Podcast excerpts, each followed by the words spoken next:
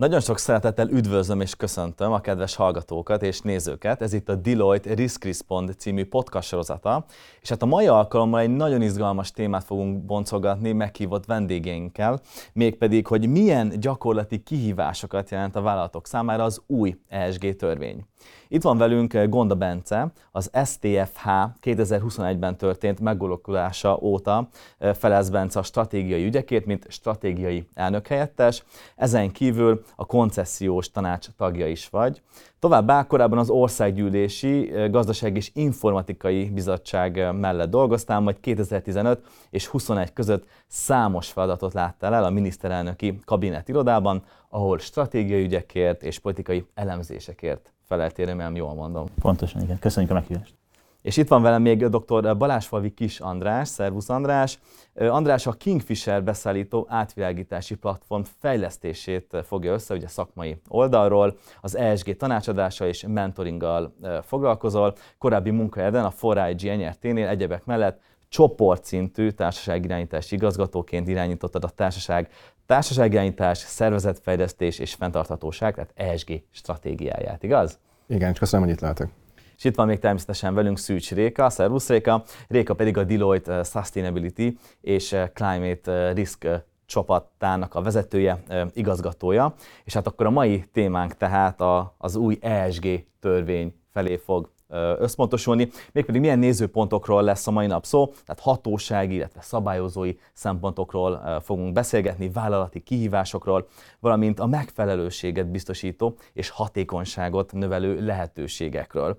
Így első körben nézzük is meg, hogy mi is a célja az ESG törvénynek, mit mondhatunk el róla? Ha két vagy három szóba kéne összefoglalni, akkor azt gondolom, hogy a lényeg a zöld átállás és a versenyképesség. Ha megnézzük az elmúlt néhány évnek a folyamatait, akkor azt látjuk, hogy a vállalatok, és nem csak Európában, de az egész világon a zöld átállás jegyében egyre intenzívebben adnak számot arról, hogy mit tesznek, mit is tesznek valójában a környezeti, társadalmi fenntarthatóság érdekében. Ugye az ESG is ezt jelenti, Environmental, Social and Governance, tehát hogyan tudjuk a vállalatok teljesítményét nem csak pénzügyi mutatókkal, hanem más szempontok alapján is értékelni. És ez egy olyan folyamat, ami, ami elérte Európát is, és az Európai Bizottság a szokásához híven ezt a kérdést egy intézményesített formában közelítette meg, míg máshol lehet, hogy a piac kényszeríti ki ezt a szereplők részéről, az Európai Unióban erre egy intézményt húzunk fel, ezt irányelveknek hívják, és két olyan irányelv van, egy már elfogadás, elfogadva, egy pedig előkészítés alatt, ami ezt a folyamatot szabályozza, és Magyarországon a jogszabály ezt az átültetést valósítja meg, lehetőséget biztosít a magyar vállalatoknak arra, hogy fölkészüljenek erre a folyamatra, és ezáltal megerősítsük, megvédjük a magyar vállalatok versenyképességét. Én annyival egészíteném ki, még ha ezt lehet, hogy a, a vállalatoknak a versenyképessége nem csak a kötelezetti oldalon nagyon fontos ennél a jogszabálynál, törvénynél, hanem az a, annál a beszállítói körnél, ami ennél sokkal tágabb és sokkal szélesebb a KKV szektort fogja át Magyarországon, akik már most is egyébként a nemzetközi piacra termelőként, exportorként rendszeresen kapnak ilyen felhívásokat, felkéréseket beszállítói átvilágításra például, illetőleg mi még azt olvastuk ki a, a jogszabályból, illetve azért is üdvözöljük ezt a jogszabályt nagyon, mert egy olyan keretrendszert biztosít magának a szakmának, ami sokkal tisztábbá teszi a játékszabályokat, hogy a fenntartósági tanácsadók, a minősítők, a tanúsítók és mindenki, aki ezen a piacon részt vesz, a Magyarországról a kiindulva és akár nemzetközi szinten egy olyan gyakorlatot tudjon exportálni, ami ennek a szegmensnek a versenyképességét növeli. Igen, én is abszolút egyetértek ezzel. Szerintem vagy én úgy közelítem meg legtöbbször, hogy ez, ez egy eszköz, mert ugye nagyon sokat beszéltünk ezekről a, a szabályokról, lehetőségekről, elvárásokról, és elég nagy a nyomás is a vállalatokon ebben a, ebben a tématerületben, ami egy borzasztó gyorsan fejlődő terület, és ez a, ez a jogszabály egy, egy eszközt ad ezeknek a kötelezettségeknek a teljesítéséhez, és tulajdonképpen annak az elvárásnak való megfelelésnek, amit az Unió vagy akár a saját partnerein fogalmaznak meg felénk. Ez fontos hozzátenni, hogy ugye nem egy olyan dologról beszélünk, ami majd jön valamikor, hanem ez már valóban itt van, még akkor is, ha a jogszabályt majd most fogadja el az országgyűlés, vagy napokban fogadta el, a, akkor is az a jelenség már itt van, a vállalatok találkoznak vele, a magyar vállalatok, egy, egyre, több, egyre több vállalat szembesül azzal, hogy különböző beszállítói lánc keretében, különböző, akármikor pénz, hitelehez szeretnének jutni, akkor kénytelenek ESG szempontú megfelelés, ESG beszámolót készíteni. És ami jelenleg a piacon van, az alapvetően nehezen áttekinthető. Ha magyar KKV-t nézünk, akkor sok esetben nem tudják, hogy kihez fordulhatnak, nem tudják, hogy milyen standardnek kell megfelelnie, és azt gondolom, hogy a jogszabály ebben fog segítséget nyújtani. Egyrészt megteremti a felkészülésnek a lehetőségét, másrészt azokat a támogatási eszközöket is hozzá tudja rendelni a kormány, amik jelenleg nem, nem állnak rendelkezésre. És akkor beszéljünk egy picit így a hatókörről, hogy mégis akkor kik a kötelezettek, kik a kötelezettje, és milyen időtávban jelent feladatot a számukra? Az fontos megírni, hogy most a jogszabályon, amiről beszélünk, az alapvetően ugye két irányelv átültetés, CSRD és CSDDD átültetés. A, én most talán az utóbbiról beszélek, mert az, ami talán egy kicsit ö, kevésbé ismert. Itt ugye egy fokozatos bevezetésről van szó. Ugye az első beszámolót a vállalatoknak, az ESG beszámolót az 2025-ben kell majd megtenniük, és ez egy fölmenő rendszerben fog egyre, egyre nagyobb ö, ö, kört érinteni. A 2025-ben a nagyvállalatoknak, a tőzsdei nagyvállalatoknak kell, utána pedig a következő évben a, egy, egy, egy fokkal kisebbeknek, a 250 fős vállalatoknak is, és végül ez fog kibővülni 2027-ben, a, illetve az ő beszállítóik azok, akik tudnak ehhez a rendszerhez csatlakozni, amennyiben ők ESG adatszolgáltatás kötelezettek. Igen, tulajdonképpen egy idővel el fogunk oda jutni, hogy már mindenkit érinteni fog ez a kérdés, mert mert ugye azok a nagyvállalatok, akik direkt kötelezettek, a saját értékláncukat kell, hogy átvilágítsák és szerezzenek információt és adatot, illetve meggyőződjenek arról, hogy ott megfelelően mennek folyamat, ezek a folyamatok. Úgyhogy abszolút az első kör az az uniós szabályozásban is alkalmazott abszolút nagyvállalati tőzsdényedzett cégeknek a köre. Én rá is tennék egyébként akkor az előttem szólókra, hogy bár a törvény tényleg csak az első körben a tőzsdei cégekre vonatkozik és a nagyon nagy vállalatokra, de a beszállítói lánc miatt igazából ez mindenkit érinteni fog, aki ennek a körnek beszállítója, partnere. Tehát pont annak a nagyon értékes KKV szektornak, aki a hazai gazdaságnak a döntő többségét produkálja jelenleg is, az első pillanattól fogva találkozási pontja lesz ebben a, ebben a jogszabályjal. Hm, értem, és mik a főbb feladatok, illetve ezeknek a, a, az erőforrás igény ezeknek a feladatoknak? Ez egy nagyon nehéz kérdés, mert ahogy el, is hangzott, ugye két, két irány, két direktívát implementál ez a jogszabály. A jelent, jelentéstételnél alapvetően belső előforrásból, tanácsadói segítséggel mi azt gondoljuk, és ez fontos, hogy én szoftveres oldalról érkeztem, tehát ez, ez is fontos, valószínűleg ezt, ezt meg lehet ugrani, de hosszú idő, és tehát komolyan, komolyan kell venni ennek a feladatnak a végrehajtását.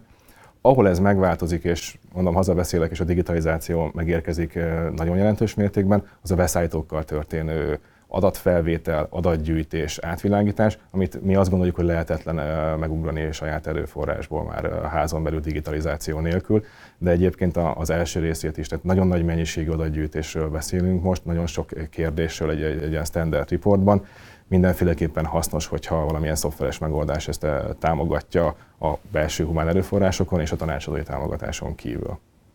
Örülök, hogy ez az informatikai kérdés felmerült, mert azt gondolom, hogy ez, ez kulcsfontosságú lesz a rendszer működése szempontjából. Ugye az látszik, hogy a nagyvállalatok alapvetően egyébként már vagy felépítették a saját rendszerüket, vagy pedig meg tudják oldani ezt a felkészülési időszakban. Ugyanakkor a pont a, a kisebb vállalatok esetében szerintem kifejezetten fontos, hogy megkapják a megfelelő támogatást, és ezért is tartalmaz a jogszabály egy, egy passzust, ami arra vonatkozik, hogy létrejönne egy fenntartatósági menedzsment platform, aminek pont ez a célja, hogy a platformon keresztül tudják a nagyok is, de, de nyilván ez leginkább a kisebb cégek számára hasznos föltölteni az ESG beszámolójukat, ott tudják ezeket az adatokat szolgáltatni, és ezért nem kell feltétlenül külön rendszert fejleszteniük. Nyilván vannak olyan rendszerek, amihez tudnak csatlakozni, amikor mondjuk egy beszállítói partnerség keretében ezt, ezt adatszolgáltást végzik, de az alapinfrastruktúrát az állam tudja nekik biztosítani, azt gondolom, hogy ez egy hatalmas versenyelő lehet a jövőben. Igen, ugye a kötelezettségekhez kapcsolódva, ahogyan Bence is említette, ez két tulajdonképpen uniós irányelvet ültet át. Egyfelől a fenntarthatósági jelentéstételhez kapcsolódóan, és szerintem talán még hangsúlyosabban, és ilyen szempontból nagyon innovatívan ezt az ellátási lánc átvilágításhoz kapcsolódó feladatot. És tulajdonképpen ez a logikai kapcsolat meg is születik magában a törvényben, miszerint kötelezetteknek szükséges ezt a fajta átvilágítást elvégezniük, és erről az átvilágításról, ennek az eredményeiről pedig szükséges beszámolniuk. És itt születik meg az ESG beszámolóban tulajdonképpen közzétett adat és az ottani átvilágítás közötti kapcsolat. Úgyhogy ez mindenképpen egy olyan lépés, ami abszolút egy, abszolút egy kötelezettséget teremt. Lehet, hogy érdemes akkor röviden elmondani, hogy ez hogy is fog kinézni a vállalatok szempontjából. Ugye mit jelent egy vállalat számára? A, ugye amikor elérjük azt, azt a szintet, hogy már, már egy szélesebb kör számára, szám, szélesebb körre vonatkozik ez, a, ez az előírás, hogy ez úgy, úgy történik, hogy gyűjti évközben az adatot, egy tanácsadó segíti abban, hogy egyébként a cégének a működését áttekintse, és megvizsgálja, hogy mik azok a szempontok, aminek majd neki meg kell felelnie. Ugye erre vonatkozóan egyébként a létrejön egy ESG a tanács, aminek pont ez a feladata, hogy létrehozza, megalkossa azt a minimum követelményrendszert, amit majd a, a, a jogalkotó a, a ESG beszámolóban viszont szeretne látni, és ez alapján a, áttekinti a vállalatnak a működését, erről szolgáltat éves szinten adatot, a beszámolót utána egy tanúsító megvizsgálja, tanúsítja, kvázi akreditálja, hogy ez, ez, egy, ez, ez a, az abban foglalt információk valósak, és azt követően pedig feltöltésre kerül ebbe a management platformba, ahol, ahol utána a hatóság ezt meg tudja vizsgálni, és, és amennyiben nincsen semmi probléma a beszámolóval, akkor utána ez közé is kerül, közétételre kerül. Tehát gondolom, hogy ez egy, ez egy folyamat. Amennyiben a cégnek szüksége van mondjuk minősítés, ugye ez egy következő fokozat lehet, a tanúsítás, ez a minősítés. Ez nem minden vállalat esetében lesz szükséges, de azt gondoljuk, hogy egyébként sokan fognak érni ezzel a lehetőséggel, akkor ezt, ezt a beszámolót, ezt utána minősítetni lehet, az nyilván azt jelenti, hogy kap egy pontszámot, ez, ennek a pontszámnak az alakulását lehet évről évre vizsgálni, hogy a vállalat hogy halad előre az ESG mutatók szempontjából, milyen vállalásokat tesz, és annak hogyan tud majd megfelelni a jövőben. Azt gondolom, hogy ez a, ez a, ez a teljes folyamat. Nyilván az első alkalommal ez egy, talán egy kicsit nehezebb lesz, a vállalatok számára ebben próbáljuk mi segíteni őket, ezért is adunk egy egyéves felkészülési időszakot, ugyanis az első beszámolási időszakban alapvetően egy ilyen előtanúsítás zajlik, ami nem teljes értékű tanúsítás jelent, a, nem is kell nyilvánosságra hozni feltétlenül a, a beszámolót, illetve a szankcionális is fölfüggesztjük. Az első évben nincsen szankcionális, nem is a cél a szankcionális, de alapvetően, ha szükség lenne, akkor is inkább abban segítünk, hogy, hogy fölhívjuk a hibákra a figyelmet, hogy a következő SG beszámolóban már ezt ki tudják javítani az érintett vállalkozások. Itt a mennyiség után egy kicsit megszólítva érzem magam, mert nagyon fontos és több, többször elhangzott, hogy a cégek a kötelezettek. Nekik kell átvilágítaniuk saját magukat, meg a beszállítóikat, ami azt is jelenti, hogy itt több száz, sőt a később, hogy a felnőrendszer miatt a végére akár több ezer cég kötelezett lesz ebbe, ami azt is jelenti, hogy ha mindenki teljesen saját rendszert épít, saját kérdőívvel, saját informatikai támogatással, akkor egy hihetetlenül kaotikus keresztbe nyilatkoztatási rendszer fog megszületni, ahol nagyon sok kollega, ESG szakértő, tanácsadó, beszerzés, bármi csak abban fog foglalkozni, hogy keresztbe töltsék ki ezeket a kérdőíveket.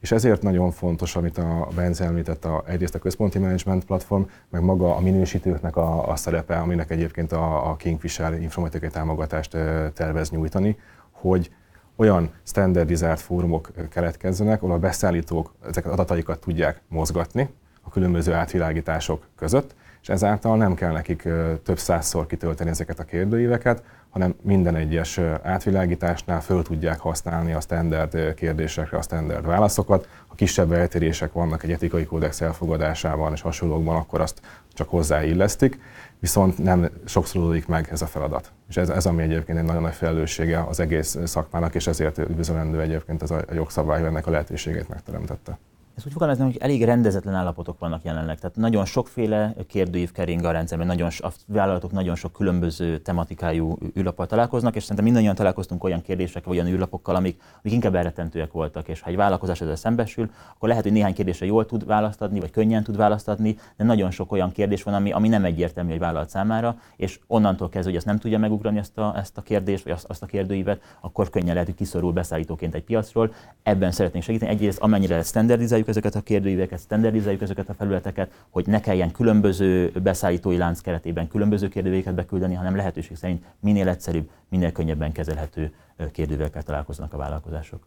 Szerintem ez egyébként egy kulcspont, mert Ugye az elmúlt két év szerintem, aki így az ESG tématerületen mozgott, vagy foglalkozott ezzel, vagy szembesült az ő számára releváns kötelezettségekkel, ezt a fajta erdőt látja, amiben nagyon nehéz kiigazodni, és, és iszonyatosan sok feladatot jelent tulajdonképpen. De itt a, a hatékonyságnövelés, amit te is mondtál a, a felvezetésben, szerintem ez az egyik nagyon fontos fogalom mindenhez kapcsolódóan, hiszen itt lehet olyan szemszögből is nézni ezt az újfajta törvényt és a kötelezettségeket, hogy ez most még egy valami, amivel ezek adott vállalatoknak szembesülniük kell, és egy extra feladat, amivel elhúzódik akár az most már gyakorlatban lévő jelentéstételük, vagy az ő beszállítóikkal való interakciójuk, de tulajdonképpen nem erről van szó, ez egy olyan fajta finom hangolás, amivel azokat a a kulcs témákat lehet kiemelni, és egy olyan tényleg mögöttes rendszert lehet kialakítani, amivel ezek a redundanciák kivehetők a rendszerből, hogy újra és újra ugyanazokra a kérdésekre kelljen válaszolni, mert így már tulajdonképpen az okafogyottá válik, lesz egy olyan ö, eszköz tényleg, amit használni lehet annak az érdekében, hogy kialakuljon az az információ halmaz, amiből utána döntést lehet hozni. És hogy kapcsolódik ez a szabályozás mondjuk az Európai Uniós szabályozáshoz, vagy egyéb regionális szabályozásokhoz? Meglehetősen szorosan. Ugye elhangzott itt korábban két ilyen négybetű szó, ez a CSRD meg a CSDDD rendelet. Ezek azok a keretek, amik az Európai Unió irányából meghatározzák a fejlődési irányát de ezzel párhuzamosan Németországban, Norvégiában, Franciaországban már lokális szabályozások megszülettek, amik szintén egyébként felhasználják az uniós irányelvet, és a legfontosabb európai piacaink, de a nemzetközi könyvelési beszámolóban az IFRS 1, 1 és 2 mellékletek, mindegy, aki ezekben már kötelező könyvelni, ott ezek a felkészülések már megkezdődtek, ezek mind-mind egy irányba tartanak, és erre a magyar szabályozás nagyon szépen ráépül, és pont olyan hézagokat tölt be, amik ezek, ezek a szabályozások nem teljes mélységben szabályoznak, viszont a végeredmény meg odaér, ahova az uniós cél is irányozott. Úgyhogy röviden ez lenne a válaszom. Mi is ezt látjuk, hogy, hogy az Európai Uniós irányelv egyértelműnek tűnik, talán még a CSR, CSDDD irányelv kapcsán vannak bizonytalanságok, de, de a végeredmény most sem kérdéses, hogy ez hamarosan elfogadásra kerül, és azt látjuk, hogy a környező országokban is már elindult az előkészítő munka, amivel talán mi előrébb járunk az hogy van egy egy elfogadott jogszabály, ami, ami iránymutatást ad a vállalatoknak.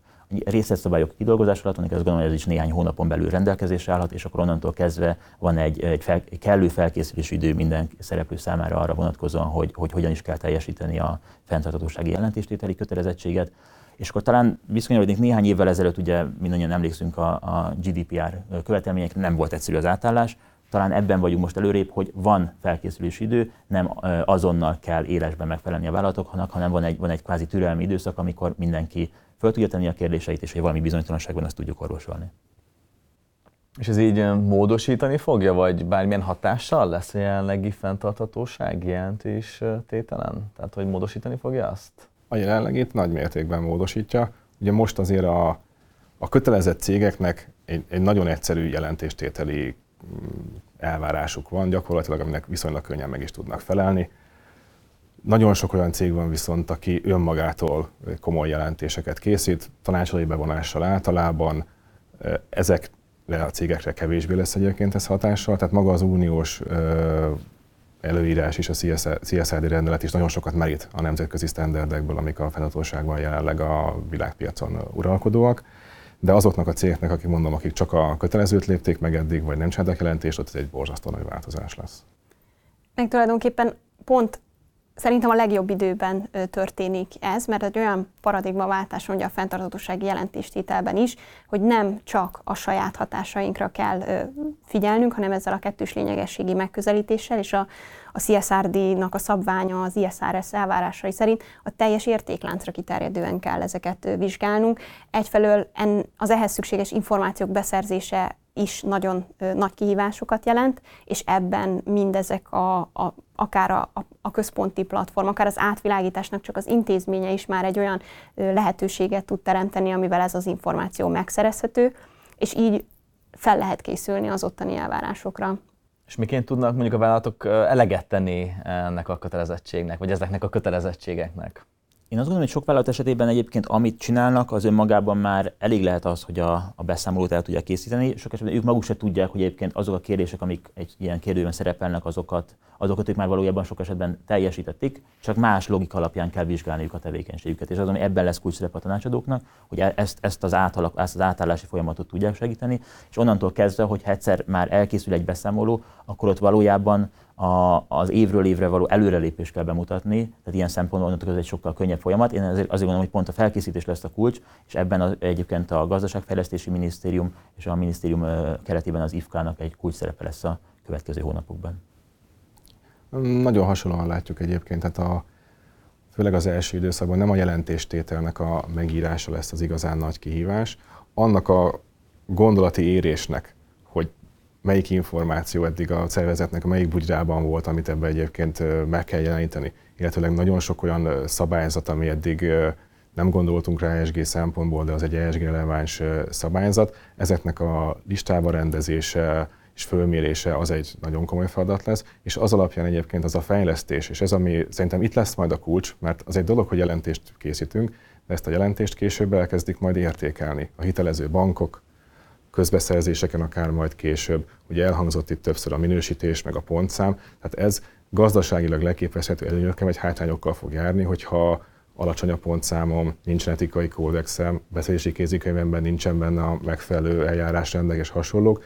Úgyhogy egy nagyon hosszú folyamat fog elindulni, és igazából ez is volt a célja egyébként. Tehát nem véletlen az, hogy a hazai szabályozás is az első időszakban ugye nem a, nem a büntetést helyezi fókuszba, és az uniós sem, hanem a, hogy induljunk el az úton, mert folyamatosan lesznek olyan célok, amik miatt a, a cégek lépéskényszerbe fognak kerülni, és nem csak feltétlenül szabályozási oldalon, hanem egyszerűen hatékonyságnövelési oldalon. Amikor az emberek elkezdenek látni cégvezetők számokat, a legszebb példa, hogy a tavalyi év ugye az energiahatékonyság évében telt el, akkor ott születnek intézkedések, anélkül is, hogy bármiféle szabályozói oldali nyomásnak meg kéne keletkeznie.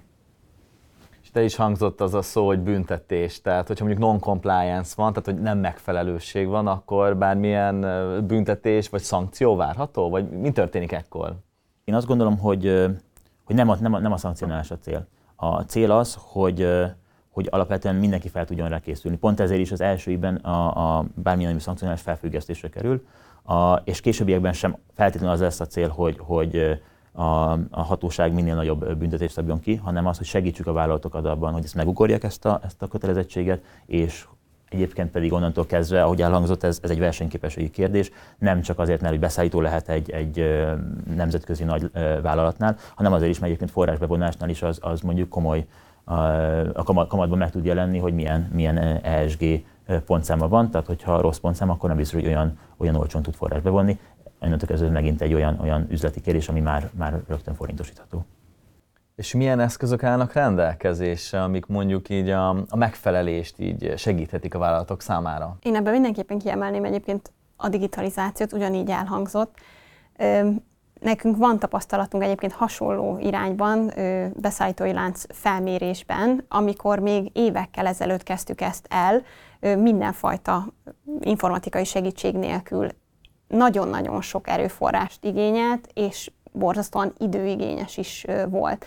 Egyfelől ez a része is egy, egy hatalmas kihívás, ezért szerintem nagyon fontos arra figyelni, hogy azokat az eszközöket is megtaláljuk, amikkel egyébként elérhetők az ennek való megfelelés, tehát ne csak a, azt az irányt tűzzük ki, hogy megfeleljünk mindegyik elvárásnak, hanem azonosítsuk azokat az eszközöket, amik jelenleg nincsenek a birtokunkban esetlegesen, akár, akár házon belül, akár egy, egy külső segítség tanácsadónak a bevonásával. Elhangzott, de a legfontosabb eszköz szerintem a Kingfishernek az implementációja, ami a beszállítói átvilágításban tud segítséget nyújtani, de félretéve a tréfát, a, az időben történő felkészülés nagyvállalatok esetén valószínűleg egyébként sokszor elhangzott, de tényleg külső segítség bevonásával, mert a nagyon kevés olyan cég van most Magyarországon, ahol a, ahol a belső kompetenciák egy ennyire komplex és sajnálatos módon egy kicsit technikailag, és most nem a informatikailag úgy technikailag, hanem a, az adatszolgáltatás miatt technikailag vezérelt megfelelésben ez rendelkezésre áll. Úgyhogy ezért érdemes ezt a felkészülést elkezdeni, és az meg fogja adni egyébként az eszközöket. Tehát egy jó, egy jó átvilágítással, a, a szabályozás, az uniós szabályozás is egyébként nagyon aprólékos olyan értelemben, hogy látszik az, hogy milyen szabályozási könyvzetet vár el a cégektől, házon belül milyen mérőszámokat vár el, milyen KPI-okat vár el, és milyen, akár milyen akciókat, intézkedéseket. És ezen a, egy cég vég, végigmegy, és ezt időben elkezdi, akkor, akkor nem lesz gond a megfelelősre, és ott ki fognak esni az eszközök. De kihívásokról azért már volt szó ebben a beszélgetésben, de hogyha mondjuk akár top három kihívásról beszélünk, vagy a legfontosabb, legnagyobb kihívásokról, vagy akadályokról beszélünk, akkor mi az, ami így egyből így eszetekbe jut, vagy amit, amit így láttok ebben?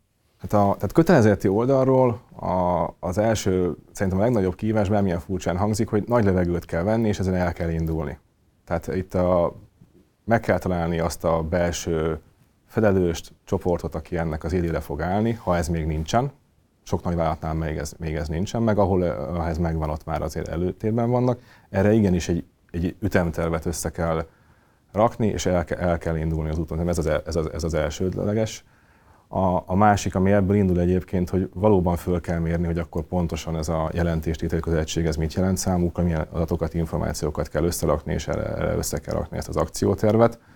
És a harmadik pedig a, a már sokszor említett a, a számosság és a mennyiség miatt a beszállítóknak a bevonása, az ő, az ő megszólításuknak a technikai megoldását biztosítani teljesen egyetértek, annyival egészíteném ki, szerintem szükséges az is, hogy egy világos kommunikáció legyen, és ez azt gondolom, hogy ez mindannyiunk feladata, nyilván állami szabályozó oldalon is, de egyébként a, a, a szakma részéről is, hogy nagyon, azt gondolom, hogy a vállalatok most nagyon sok mindent hallanak, talán néha zavaros is lehet a számukra, hogy pontosan akkor most ez egy EU-s megfelelés, van a magyar jogszabály, pontosan mit kell csinálniuk. Ebben szerintem nagyon fontos, hogy, hogy világos információt kapjanak, útmutatást kapjanak. Egyébként ezt a hatóság, illetve a minisztérium részéről mi is ezen dolgozunk, hogy egy olyan platform jöjjön, olyan felület jön létre, ahol, ahol mindenki a megfelelő információhoz hozzá tud jutni. Szerintem emellett fontos a képzés is, tehát rengeteg hogy is mondjam, olyan, olyan tanácsadóra lesz szükség a következő időszakban, akik valóban értik az ESG-t, és nem feltétlenül a, és, és, és valóban fel tudják készíteni a vállalatokat, tehát hogy itt a, a piacnak, a piac tisztaságának a megőrzésére is szükség van, és azt gondolom, hogy ezek az ezek a adottságok megvannak, akkor onnantól kezdve már a vállalatoknak is sokkal könnyebb lesz eligazodni ebben a,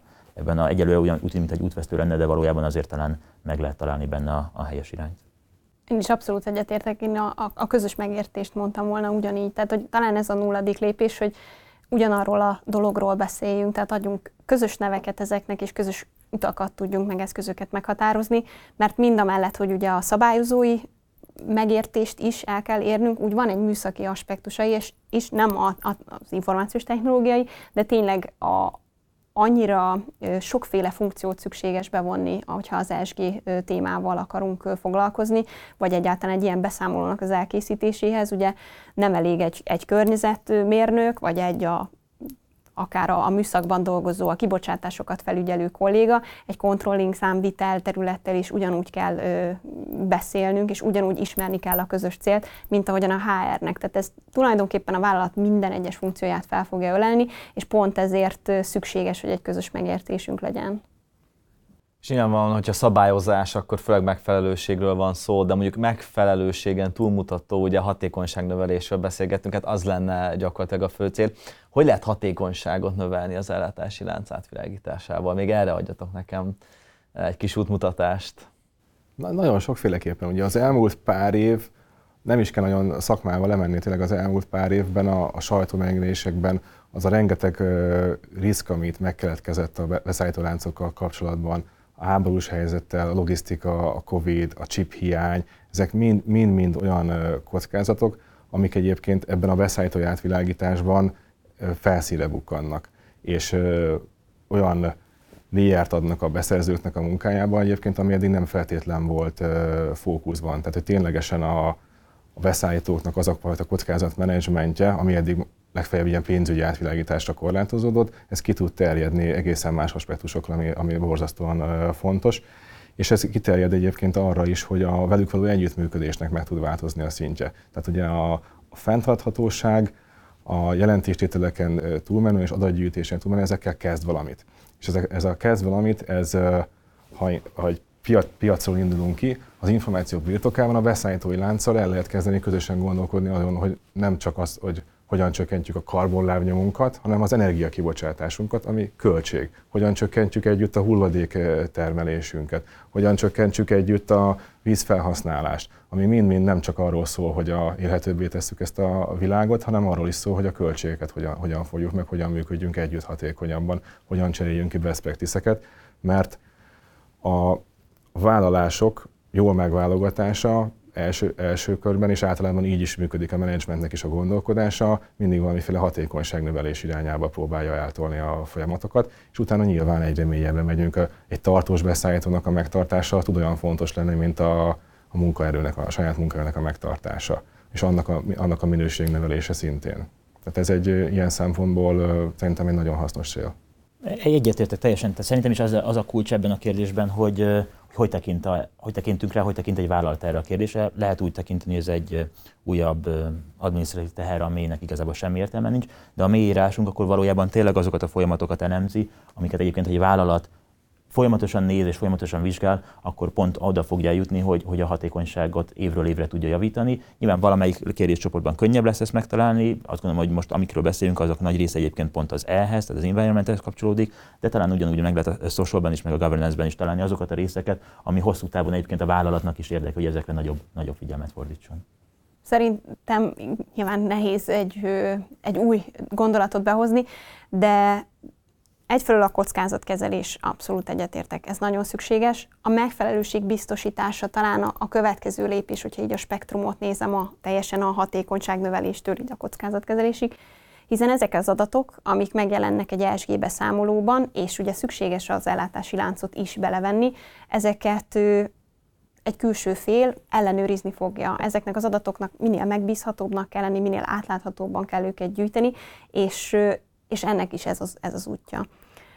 Azok a fajta hatékonyságnövelési lehetőségek, amiben akár a saját stratégiai elköteleződését tudja az értékláncába végigvinni a vállalat, ezek is szerintem nagyon fontosak, hiszen hogyha csak a, az egyéb közvetett kibocsátásokat, vagy ezeket a Scope 3 kibocsátásokat tekintjük, a legtöbb vállalkozásnak ez az értékláncában kezelhető terület, hiszen a saját működésével vannak a nagy energiafogyasztók nyilván e felől kivételek, vagy ez alól kivételek lehetnek, de nagyon sok olyan vállalkozás van, akinek 80, de akár 90%-a is a környezeti hatásainak, vagy társadalmi hatásainak az értékláncában keletkezik meg. Úgyhogy ehhez ezeknek az információknak a begyűjtése kulcsfontosságú.